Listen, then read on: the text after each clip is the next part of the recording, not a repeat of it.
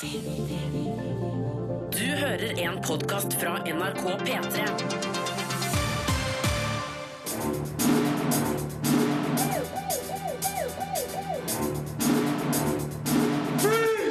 Filmpolitiet! What's your name, dude? Birger Vestmo. What kind of stupid name is that? Om jeg får si det sjøl, og det får jeg, har vi litt av et filmpoliti på gang. I dag anmeldes nemlig den amerikanske sci-fi-thrilleren Life, det svenske dramaet Kjempen, storspillet Mass Effect Andromeda, den norske barnefilmen Oscars Amerika, den amerikanske actionkomedien Chips Crazy Patrol, naturdokumentaren Pingvinenes marsj 2 og den nye filmen med de gamle TV-heltene Power Rangers. Filmpolitiet. Dette er P3. Filmpolitiet anmelder film. We're looking at the first proof of life beyond Earth. You finally a daddy? Life er en spennende science fiction-film, der utgangspunktet slett ikke er så søkt som man kunne tro. Det handler om jakten på liv i verdensrommet, og hva som kan skje dersom man faktisk finner det. Den svenske regissøren Daniel Espinosa, kjent for Snabba Cash og Safehouse, har skapt en thriller som utvikler seg til å bli den rene katt og mus-leiken om bord i en romstasjon. Noen historieelementer irriterer litt, men ikke nok til at det ødelegger for mye. Life er en effektiv liten film med store effekter og en upåklagelig underholdningsfaktor. Look how fast it's growing. It's beautiful. Mannskapet om bord på den internasjonale romstasjonen ISS finner en encella organisme i en jordprøve fra Mars. De greier å vekke den til live, den får navnet Calvin, og mannskapet ser med forbløffelse på hvordan den vokser og trives i laboratoriet. På et tidspunkt blir det imidlertid klart at den òg har et overlevelsesinstinkt og en intelligens som setter hele romstasjonen i fare. Nothing in that lab can malfunction. It's on me. Yeah, it's on you. Handlingas utvikling er avhengig av at noen blant mannskapet gjør utrolig dumme ting som sliter på troverdigheten. De skal tross alt være topptrente astronauter, men gjør tabber som fremstår som nybegynnerfeil. Det er imidlertid lett å vise filmen litt storsinn, spesielt for dem som liker sjangeren. Den er nemlig isnende god på flere andre områder. Skuespillet holder god kvalitet, med annet James Gyllenhaal, Rebecca Ferguson og Ryan Reynolds i fremtredende roller. Man føler deres bånd til hverandre og deres frykt og spenning i møte med den fremmede organismen. There's liquid in the helmet. We've only three minutes before the suit is flooded. But it won't let go. I'm headed to the airlock. Historien fortelles kjapt og effektivt. Faktisk kan det av og til virke som den går veldig raskt over noen elementer som ville ha tatt betraktelig mye lengre tid i den virkelige verden. Men igjen, det her er en fantasifilm, og jeg velger å vise litt storsinn. Life er visuelt vakker, med førsteklasses effekter som effektivt plasserer oss i bane rundt jorda. Life er derfor en absolutt severdig sci-fi-thriller, til tross for noen dumheter. Come on! Just pull down on the! Terningkast fire P3. Filmpolitiet. på P3. Den svenske filmen Kjempen var åpningsfilm på Kosmorama filmfestival tidligere denne måneden, og filmen vant tre Gullbaggepriser, annet for da beste film, under utdelinga i februar. Kjempen er en film som kombinerer sosialrealisme, mytologi og idrettskomediens lystighet. Det sier Sigurd Vik, som har anmeldt filmen. Filmpolitiet anmelder film. Det er vårt nordiske mesterskap. Sugi for helvete. Sugi. Kjempen er en hjertevarm, morsom og sår film med et underholdende manus og noen glimrende skuespillerprestasjoner. Filmskaper Johannes Nyholm, som har både manus og regi på filmen, plasserer Kjempen inn i en filmtradisjon som tar tak i sentrale motiv fra storheter som Roy Andersson og David Lynch, uten at den ender opp med å herme etter noen av dem. Faen er det med deg? Jævla CP-skadede jævla idiot. Richard, spilt av Christian Andrén, er en kortvokst mann med autisme og et kraftig deformert hode. Utenfor institusjonen han bor på, er det mye utrygghet, men gjennom hans sterke vennskap med den lune farsfiguren Roland, spilt av Johan Kylén, får han trygghet og glede i hverdagen. De to deler et lidenskapelig forhold til idretten Petank, og Richard drømmer om at kameratene kan trosse alle odds og vinne det nordiske mesterskapet i kulesporten. Ved å bygge filmens ramme rundt den moderne idrettskomediesjangeren har regissør Johannes Nyholm skapt seg ei fleksibel lekegrind. Her kombinerer en outsiderdyrkinga, de typete typene og det kleine fra filmer som Dodgeball og Zoolander, med et skarpt blikk for absurde og drøye situasjoner som det gjør vondt å le av. Kjempen har et sprik i stil og formgrep som gjør at det er noen scener som tærer litt på filmens helhet, men det er imponerende hvor godt det hele glir sammen. Det er jo Kjell som kasta et klo i hodet på Rikard. Det jeg sitter igjen med som den største gleden ved Kjempen, er det velspilte og hjertevarme vennskapet mellom Rikard og Roland. Her gjør både spillefilmdebutant Christian Andrén og veteran Johan Kylén vakre prestasjoner som lar oss komme ordentlig under huden på rollefigurene. Det er flere situasjoner med de to hvor sort humor og sår vemmelse smelter sammen. Johannes Nyholm tør å holde på ambivalensen i de her scenene, og de to strålende hovedrollene klarer å få fram mange lag i både samfunnsbetraktningene og det komplekse forholdet de to bestevennene deler. Filmen har en scene mellom Richard og Roland som er noe av det mest rørende jeg har sett på kino i år, med et klimaks hvor musikk, mimikk og forhistorie kommer sammen i hverdagslig filmmagi. Terningkast fem. P3. P3. Filmpolitiet anmelder film.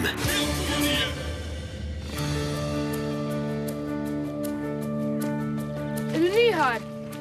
Jeg er bare på besøk. Hvor lenge skal du være her? Til mammaen min kommer hjem fra Amerika.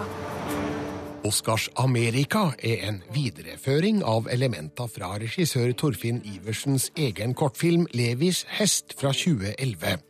Spillefilmen lykkes med noe, men ikke alt. Det skorter på innlevelsen i noen viktige ungeroller som burde vært besatt og eller instruert bedre. Historiens bakgrunn har en mørk tematikk som er høyst reell for noen, nemlig et barns utfordringer når mor ikke er i stand til å fylle morsrollen. Det er derfor ikke usannsynlig at Oscars Amerika er i stand til å formidle et sannferdig budskap som vil kun treffe kjernepublikummet, sjøl med noe haltende skuespill og en stilmessig gammelmodig form. Amerika. Ja, det blir vel trivelig. Oskar kan jo hjelpe deg med litt forskjellige ting i mellomtida. Du setter opp tempoet, så får du finne veien hjem sjøl. Filmen handler om gutten Oskar, spilt av Odin Eikre, som motvillig må tilbringe sommerferien hos bestefaren Helmer, spilt av Bjørn Sundquist, mens mora, spilt av Marie Blokhus, sier hun skal til Amerika på jobbintervju. Oskar blir kjent med den mentalt tilbakestående nabomannen Levi, spilt av Jørgen Langhelle, og hans lille hest, som heter Hesten. Og sammen legger de en plan om å ro over Atlanteren for å finne mora. De vet ikke at mora slett ikke har reist til Amerika, men får hjelp for sine alkoholproblemer et annet sted i kommunen. Har du noen gang tenkt på å ro til Amerika? Ro til Amerika? Nå skal jeg møte mammaen min. Det er prisverdig å lage en originalskrevet barnefilm med mørke undertoner. Utfordringene det her gir filmens unge skuespillere, er kanskje litt for store. De er søte, men spiller altfor flatt og med for lav energi. Spenningssekvensene fungerer fint når hus brenner, hesten forsvinner og må reddes fra slem ramp. Vennskapet mellom Oskar og Levi er òg greit skildra. Filmens siste del plages av et klumsete grep med tidenes minst overbevisende TV-team på reportasjetur, der det fortellertekniske ikke henger helt med. Klimakset kunne òg hatt større emosjonell slagkraft. Oscars Amerika har likevel et sympatisk budskap om å være ærlig, verdsette ekte vennskap og følge sin egen rettferdighetssans, noe som burde gjøre filmen severdig for kinogjengere i barneskolealder, sjøl om noen grep kun har gjort den mye bedre. Jeg må gjøre dette for han Levi og for hesten. Terningkast tre. Filmpolitiet på P3. Og nå skal det handle om dataspill, og ventetida er over. Etter fem år kan vi kaste oss ut i et episk romeventyr i Mass Effect-universet igjen. I går ble nemlig Mass Effect Andromeda sluppet til Xbox One, PlayStation 4 og PC. Marte Hedenstad har testa spillet på Xbox One. Filmpolitiet anmelder spill. We're marooned. 20,000 souls adrift at sea. When the power runs out, stays out, we need to know if that's safe harbor. Shuttle 2, taking your lead. Good luck, Pathfinder team. Større, mere og bedre ser ut til å ha vært BioWare sitt mantra for Mass Effect Andromeda. Og spillet er større og har mer innhold enn den originale Mass Effect-trilogien. Men bedre er det ikke. Mass Effect Andromeda er en storslagen romopera, men mangler den siste finpussen som hadde gjort dette til et skikkelig solid science fiction-spill. That's Habitat 7. New Earth, if we're lucky. Til tross for en forferdelig avslutning på sagaen var Mass Effect-trilogien en fantastisk fortelling. Men vi forholder oss ikke til denne historien i Mass Effect Andromeda. Det er et helt nytt eventyr med helt nye rollefigurer vi møter denne gangen. Fortellingen starter nemlig før den originale slutter, i år 2185, når The Andromeda Initiative sender 100 000 folk i kryosøvn ut på en 600 år lang reise mot Andromeda-galaksen. For å befolke nye planeter. None of the golden worlds panned out. They're a bust. We need to find more resources. But that takes people, and we can't wake them up. Du tar rollen som Sarah eller Scott Ryder, barn av Alec Ryder, menneskenes pathfinder, som har i oppgave å finne deres nye hjemplass. Men ting går selvfølgelig ikke som det skal. Emigrantene fra Melkeveien er ikke de eneste som har funnet veien til Andromeda, og snart befinner du deg midt i en krig mot mystiske romvesen, samtidig som du må løse gåten rundt eldgammel teknologi som er spredt rundt i galaksen. Det ligger nok mystikk knyttet til teknologien til at den blir spennende å utforske, og den tilsynelatende onde alien-rasen er interessante og formidable nok til at de blir verdige motstandere å måle krefter mot. New galaxy, a new ship. I can't wait to get both a little dirty. Dessverre drukner historien noe i spillets massivhet. Pun intended.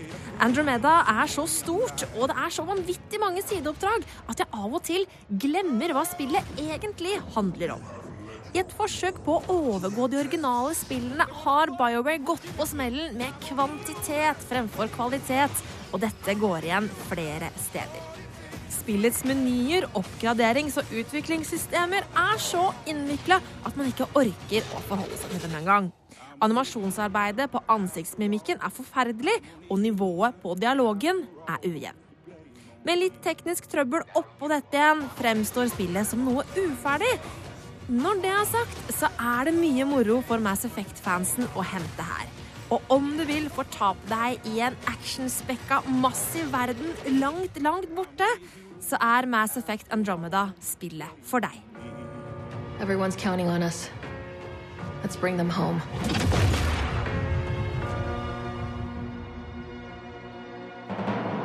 Terningkast fire. P3. Eh, Sigurd Vik, velkommen inn i studio. Takk for det, Eh, Birger. Det er jo altså da sånn at vi hver uke sitter og rensker nyhetskanalene våre for stoff om Star Wars, i håp om at vi kan snakke et helt studiostikk bare om Star Wars. Er det ikke sånn? Det er sånn, og i dag så kan vi med glede meddele at det skal vi få til, for det er massevis av nytt og rykter i Star Wars-land. Hvor skal vi starte? Skal vi starte med Han Solo-filmen, da? Standalone-filmen, hvor en av Disneys eh, direktører har prata litt om hva vi kan forvente oss. Ja. Er, skal vi gi en liten spoilervarsel for dem som absolutt ikke har lyst til å vite noe som helst om handlinga i denne filmen? Nei, jeg er ikke så farlig med det. Det, det her er ganske greie greier. Men det skal visst foregå i en tidsperiode mellom uh, da Han Solo er 18 til 24 år. Så det vet vi nå. Ja, ok, ganske langt strekk der. Langt strekk, så det blir bra. Altså, han er jo 27, han som skal spille den, så han får jo litt å jobbe med. Men så er jo den store greia at vi skal få vite bakgrunnen for navnet til Han Solo. Ja, At han ble døpt, Han Solo? Det kan jo være det. Det kan jo være et flashback tilbake til dåpen til Han Solo, men det kan jo også være, som mange da lurer på, om han kanskje ikke heter Han Solo sånn egentlig. Oi! At det er et slags sånn der nickname, et kallenavn om du vil, og at han har gjort et eller annet crazy for å få det kule kallenavnet. da. At den egentlig heter Steve, eller Jeg håper ikke Steve, altså. noe, noe skikkelig kjedelig? Hva er oddsen på Birger, tror du? Eh, forholdsvis Birger lavt. Solo. Forholdsvis lavt. Han, han kolon, nei. Det blir spennende, i hvert fall. Og det er jo da også sånn at han skal møte Chewbacca i denne perioden og få The Millennium Falcon, så det er jo ganske mye eh, kult, da. Får vi eh, se hvordan han eh, foretar den herre Kessel Run? Det er jo noe som vil være helt nerdeorgasme for veldig mange hvis det skjer, da. Men vi får se. Ja, det var, det var 12 parsecs, var det ikke? Jo, det var 12 par 6. Nei, jeg er interessert i å se det, hører jeg. Ja, Kjenner jeg. Skal vi flytte oss over fra standalone-filmene til sagaen? Ja, gjør det. For der er det også nyheter om uh, Snokey, eller Snoke, uh, alt etter hvordan man velger å uttale det, som er da Sith-skurken, vil jeg påstå. Jeg ser det i hvert fall sånn at The Dark Side er litt skurkete. Han litt for uh, digitalanimerte figuren fra Rogue One. Han litt for digitalanimert. Nei, ikke fra Nå, nå tuller jeg her. Fra ikke Rogue One, men The fra Force Awakens. Force Awakens. Er det noe Eh, tull med det? Ja, men det, altså, det, det er lov å, å tulle litt med det. Det er jo bare for lyttere å sjekke om de følger med. Følger dere med? Ja da. Uh, men i hvert fall så er det sånn at det skal blitt overhørt på settet hva Snokey egentlig står for. Og det skal være, hold deg fast, A Sith No One Knew Existed. Så det skal visst være et sånt akronym for en Sith som ikke folk var klar over at eksisterte. Og det har jo satt i gang rykteflommene om at det her kanskje, kanskje er gamle læremesteren til The Emperor, som folk trodde var borte. Men skal ha blitt overhørt på settet? Litt tynt, sikkert? S altså, ikke kildekritisk av meg å viderebringe det her på, på norsk rikskringkasting? Nei, jeg vet ikke helt, men eh, altså, hvis det stemmer, så skal jeg komme Ja, okay. tilbake og si at eh, ja, det her her var Jeg har sikre Star Wars-nyheter også, på okay. avslutningsvis, hvis du vil vite. Ja, det vil jeg. Det bygges fullsize Attata, Attat Walkers i Disney World både i California og Florida, så når de åpner, blir vel om ei stund, da, så kan man sitte oppi en Attat, Birger. En Attat. En Attat! det er kult. Jeg har også uh, lest at man kan uh, få uh, være pilot i Millennium Falcon. Det stemmer også. Jeg er bare spent på hvor stødige de her walkerne er, og også om det går an å skyte med dem. Det er jeg veldig spent på, for da kommer jeg. Filmpolitiet. Chewie, we're home. Filmpolitiet På P3. P3 Da skal jeg og Sigurd snakke litt mer om ting som skjer i filmens verden, og da starter vi med noe som er rotfesta til 1980-tallet, Sigurd. Det er du ekspert på, ikke Eh, Jeg er veldig ekspert på det. Hør på det her, da. The most terrifying man in the city Officer! Officer! Carries a badge. Ah, ja, ok. Nemlig. Det her er traileren til Maniac Cop, som kom i 1988, med blant andre Bruce Campbell, kjent fra Evil Dead-filmene, i en av rollene. Regissert av William Lustig, og handler da om en eh, Maniac Cop.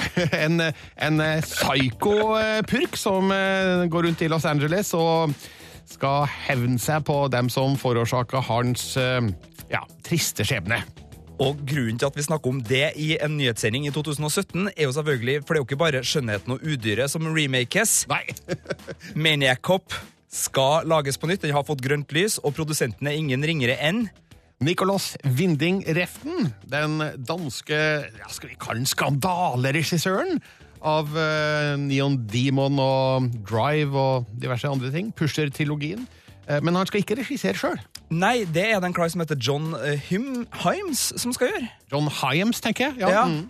Eh, best kjent for, hvis det går an å si det, Universal Soldier Regeneration, som eh, gikk rett på Blu-ray og DVD for eh, noen år siden. Det har kommet i 2009, tror jeg. Men sønn av den kjente regissøren Peter Hyams, mannen bak eh, Time Cop, Outland og ikke minst eh, 2010, oppfølgeren til 2001, og som også er en dreven filmfotograf. Og eh, hvis han jobber sammen med sin sønn John på den nye Maniac Cop, så det kan ikke bli så verst, det, altså. Nei, Det er veldig veldig mye lavbudsjett 80-tallsfolk inne i bildet her, i hvert fall som liker det, så det kan jo bli rett og slett en liten perle for oss eh, nostalgikere. Kjenner jeg gleder meg. Men det er større filmer på gang.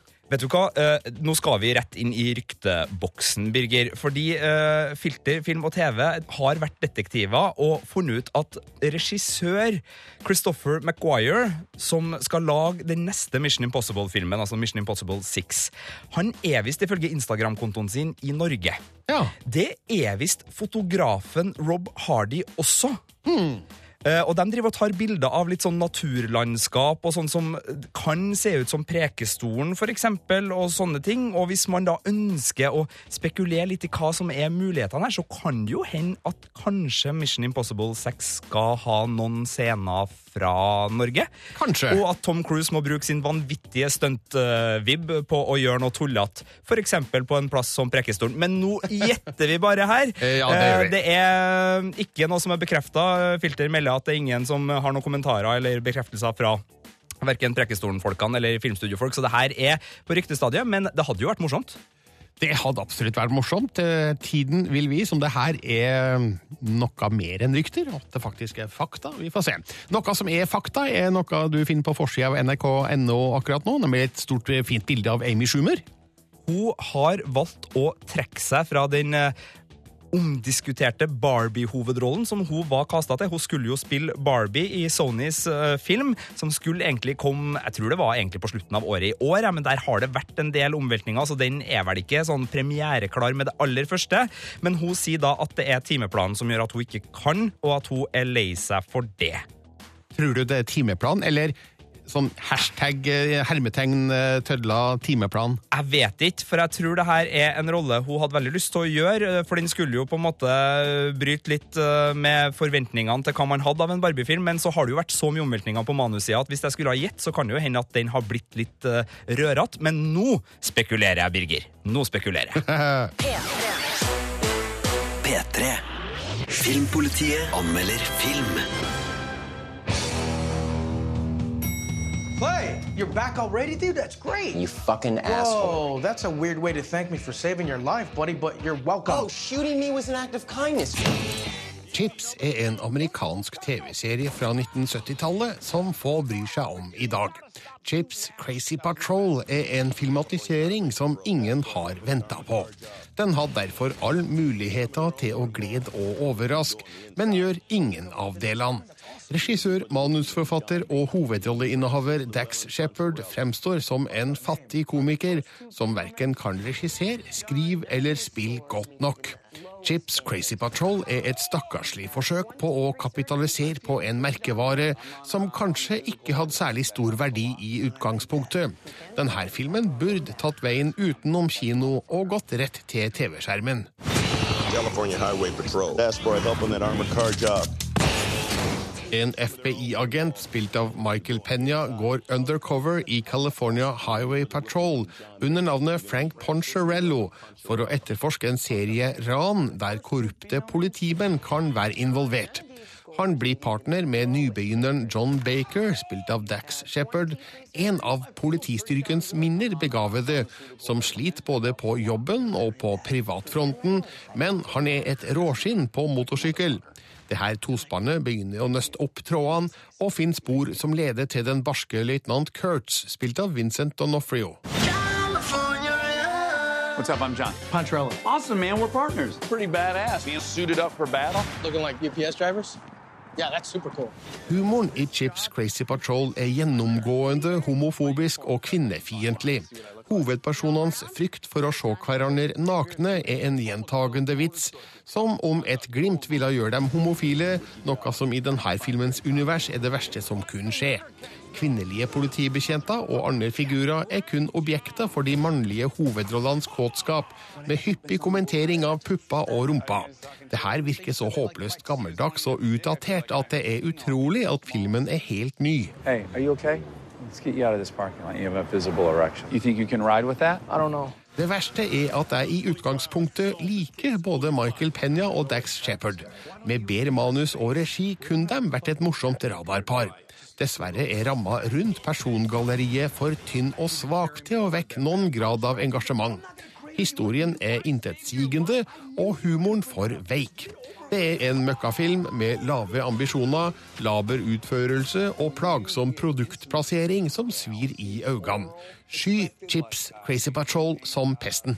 Did I feel you faceplant into my pubic mound? No, no, no, no. There was no contact, dude. Are you sure? Because I could have swore I felt either your nose or your lips. No, nothing touched, bro. Nothing touched. Oh. Terningkast 1. P3. Filmpolitiet anmelder film. C'est ici que cette personne aurait disparu, chef. Ça commence à sentir roussi, là, hein Bon, les personnes ont disparu dans la baie Mysteriet i Slack Bay er naturvakkert filma og smelter med massevis av sort humor fra et idyllisk ferieparadis. Spenningsmysteriet er enkelt og kledelig makabert, men filmens gode elementer blir stadig avbrutt av brautende og dumme vitser som gjør det her til en meget slitsom filmopplevelse. Qu'est-ce à Malut? Året er 1910, og i landsbyen Slack Bay strømmer rikfolket til for å nyte sommeren ved stranda. Det her er rikfolk av teiteste sort, og deres behandling av lokalbefolkninga, fra fiskeren til hushjelpa, er elendig. Så da er det kanskje ikke så rart at rikfolk plutselig begynner å forsvinne fra stranda. Det langt fra kløktige politiet kobles på saken, og en langdryg etterforskning settes i gang. Komikken i filmen har mye til felles med 80-tallets sketsjbaserte forviklingshumor. Her brukes overspilte rollefigurer, mye roping og en god porsjon fysisk slapstick for å pirke borti gamle klasseskiller med forslitte poeng. Filmen får lite ut av sine dyktige skuespillere. Fabrice Lucchini starter lovende som patriarken André van Pettegem, men hans karakterbrister slites ut lenge før filmens to lange timer er over. Og Juliette Binoche er lite annet enn kaklende og irriterende som hans høydramatiske søster.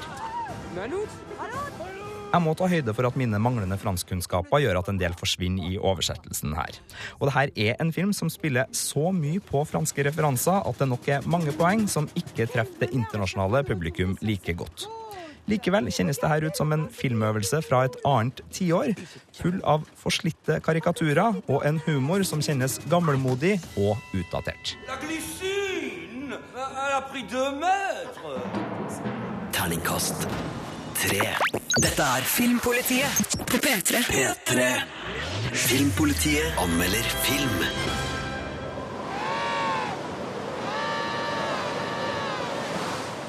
Den franske naturdokumentaren 'Pingvinenes marsj 2' heter egentlig 'Keiseren'. Det kan kanskje virke som et kynisk kommersielt grep å bytte navn, slik at den kobles til suksessfilmen 'Pingvinenes marsj' fra 2005.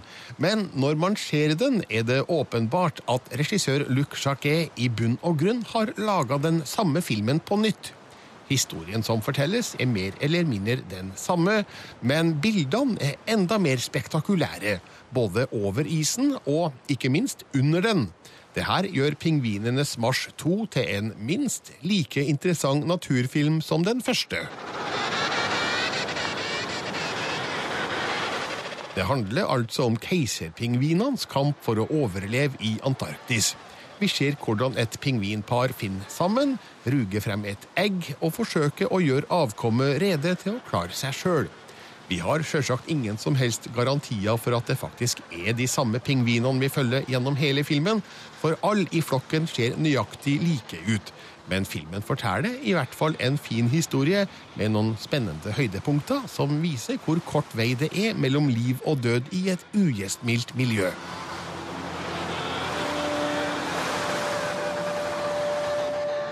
Keiserpingvinene er fremdeles merksnodige vesener som det er lett å like. De ser så ubehjelpelig klossete ut på isen, men samtidig så grasiøse når de kommer seg ut i vannet.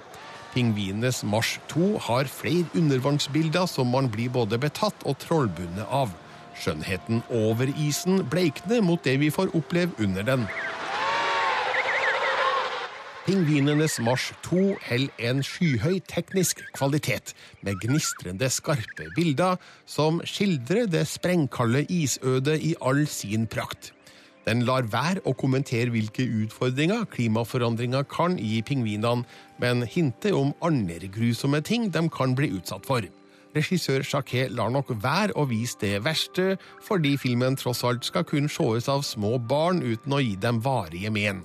Pingvinenes Mars 2 er derfor en familievennlig naturfilm av godt merke. Bare vær oppmerksom på at om du har sett den første filmen i nyere tid, vil mye i toeren virke mistenkelig kjent. Det ser bare enda bedre ut. Terningkast fire. Filmpolitiet. På P3. Tidligere i dagens sending har du hørt, kanskje hvis du har fulgt med hele veien, da, anmeldelser av premierefilmene Life, Kjempen, Oscars Amerika, Chips Crazy Patrol, Mysteriet i Slack Bay og Pingvinenes Mars 2. Her er den sjette og siste, nemlig Power Rangers. Ja, actionheltene fra den gamle TV-serien er tilbake på kino denne helga. Regissør Dean Israelite har fått med seg et knippe unge, lovende stjerner, og veteraner som Bryan Cranston, sjølveste Walter White, i sin reboot av TV-serien. Sigurd Vik har sett Power Rangers. Filmpolitiet anmelder film. You five are the Power Rangers. Power Rangers byr på mye superhelthygge i den nye kinoversjonen av de fargerike actionheltene som oppsto på 90-tallet. Serien gjenopplives med en enkel tilblivelseshistorie. Det er lett å akseptere, og både småbykulissene, tenåringskjemien og den referansesterke dialogen gjør spesielt den første timen av Power Rangers til humørfylt actionunderholdning. Men både handlinga og filmens tone er så overfladisk og forutsigbar at det aldri blir mer enn grei underholdning, og den obligatoriske og gigantiske sluttkampen for å redde verden er dessverre både kjedelig og actionslapp. I'm pretty sure I'm a superhero. Cool. Pig in that cup! I et kjapt anslag får vi vite at for millioner av år siden ble den onde og maktgale Rita Repulsa midlertidig stoppa da Power Rangers ofra livet for å hindre i å ødelegge jorda. Men i ca. 2017 våkner hun til live. Det skjer samtidig som fem skoleungdommer finner restene fra det gamle Power Rangers-skipet og får kreftene til å bli det nye teamet. Men slåsseferdigheter og mestring av utenomjordisk teknologi kommer jo ikke over natta. Og de unge superheltene må trenes opp i slåssing og ekte vennskap før de kan møte Rita. Heltene får nok bakgrunnshistorie til at vi skjønner hvem de er, og at vi bryr oss om dem. Spesielt det farløse geniet Billy, godt spilt av den talentfulle RJ Siler, er en rolle som fester seg, og som det er veldig lett å like. This must have been here for millions of years. I mean, Skurken er det verre med. Rita blir aldri noe mer enn bare ond. Hun velger å slåss med en kjempe av gull og ild på laget. Og jeg tar meg i å tenke at det her er jo bare en tam variant av den helt standardiserte sluttscena jeg så senest i ja, Suicide Squad. Kampen er verken godt koreografert, kreativ i actionbruken, spennende eller morsom, og da kollapser også filmens siste akt sammen i et eneste høyt gjesp for meg. Det er synd, for fram til siste halvtime er det flere gode tilløp som hadde fortjent mer enn en regissør som sløver ut slutten på autopilot. Men det er klart, hvis du ikke bryr deg om så mye mer enn at ting skal smelle høyt og hardt sammen i kinomørket, så går det helt fint an å tømme et popkornbeger til Power Rangers. I've killed Rangers before. Terningkast tre. Les mer om film, spill og serier på p3.no Filmpolitiet. P3. På mandag slippes Fabeldyr og hvor de er å finne på Blu-ray og DVD. Den er allerede tilgjengelig digitalt, så det kan du kose deg med i helga. Her er min anmeldelse av filmen. Filmpolitiet anmelder film. You're the guy with the case full of monsters, huh? News travels fast. Fabeldyr og hvor de er å finne, makte og fylle tomrommet etter Harry Potter-filmene. Manusforfatter J.K. Rowling, regissør David Yates og store deler av det samme filmteamet fyller et allerede etablert univers med friske, spennende figurer i et nytt miljø. Et fantastisk gjenskapt New York anno 1920-tallet er en utmerket arena for magiske mysterier, med Eddie Redmayne som en umiddelbar publikumshelt i hovedrollen som Salamander Fisle. Fabeldyr og hvor de er å finne, er fornøyelig oppfinnsom og frydefullt underholdende. It was open? Just a smidge. That crazy Niffler thing's on the loose again? Uh, might be. Historien foregår altså rundt 70 år før Harry Potter begynner på Galtvort og leser en lærebok skrevet av Salamander Fisle. I denne filmen får Salamander, spilt av Eddie Redmayne, problemer når noe han har i kofferten sin, rømmer og skaper kaos i New York. Han får hjelp av Tina Goldstein, spilt av Catherine Waterston, en degradert agent fra byens magibyrå, samt Jacob Kowalski, spilt av Dan Fogler, en aspirerende baker og menneske som tilfeldigvis blir innblanda. Samtidig er mørke krefter løs i New York, der magibyråets dyster, spilt av Colin Farrell, ser ut til å være innblanda. You're an interesting man, Mr. Scamander. Thrown out of Hogwarts for endangering human life. That was an accident. Filmens største fortrinn er at vi allerede kjenner universet historien foregår i. Kontinentet er kanskje et annet, men de samme reglene gjelder. Også her lever magikere i skjul for menneskene, og har et byrå som styrer dem og ordner opp når noe går galt. Historien introduserer oss imidlertid for et rikholdig galleri av all slags skapninger som ikke er sett før. Det her gjør fabeldyr og hvor de er å finne, til en frisk og energisk eventyrfilm som verken føles som en kopi av Harry Potter-filmene eller et billig forsøk på å kapitalisere på nevnte filmseries popularitet. Fabeldyrfilmen står støtt på egne ben, og J.K. Rowlings manus viser lovende muligheter i et utvida univers. I was hoping you'd be able to tell me if there have been any sightings. You got a pretty big price on your head, Mr. Scamander.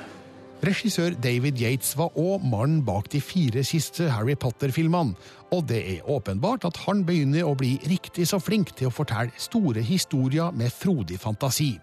Fabeldyr og hvor de er å finne, er overbevisende god og kommer til å bli en fortjent kinosuksess. Mercy, Lewis, what is that? Nothing to worry about. That is a murtlap. Terningkast fem. Du finner flere podkaster på p3.no podkast.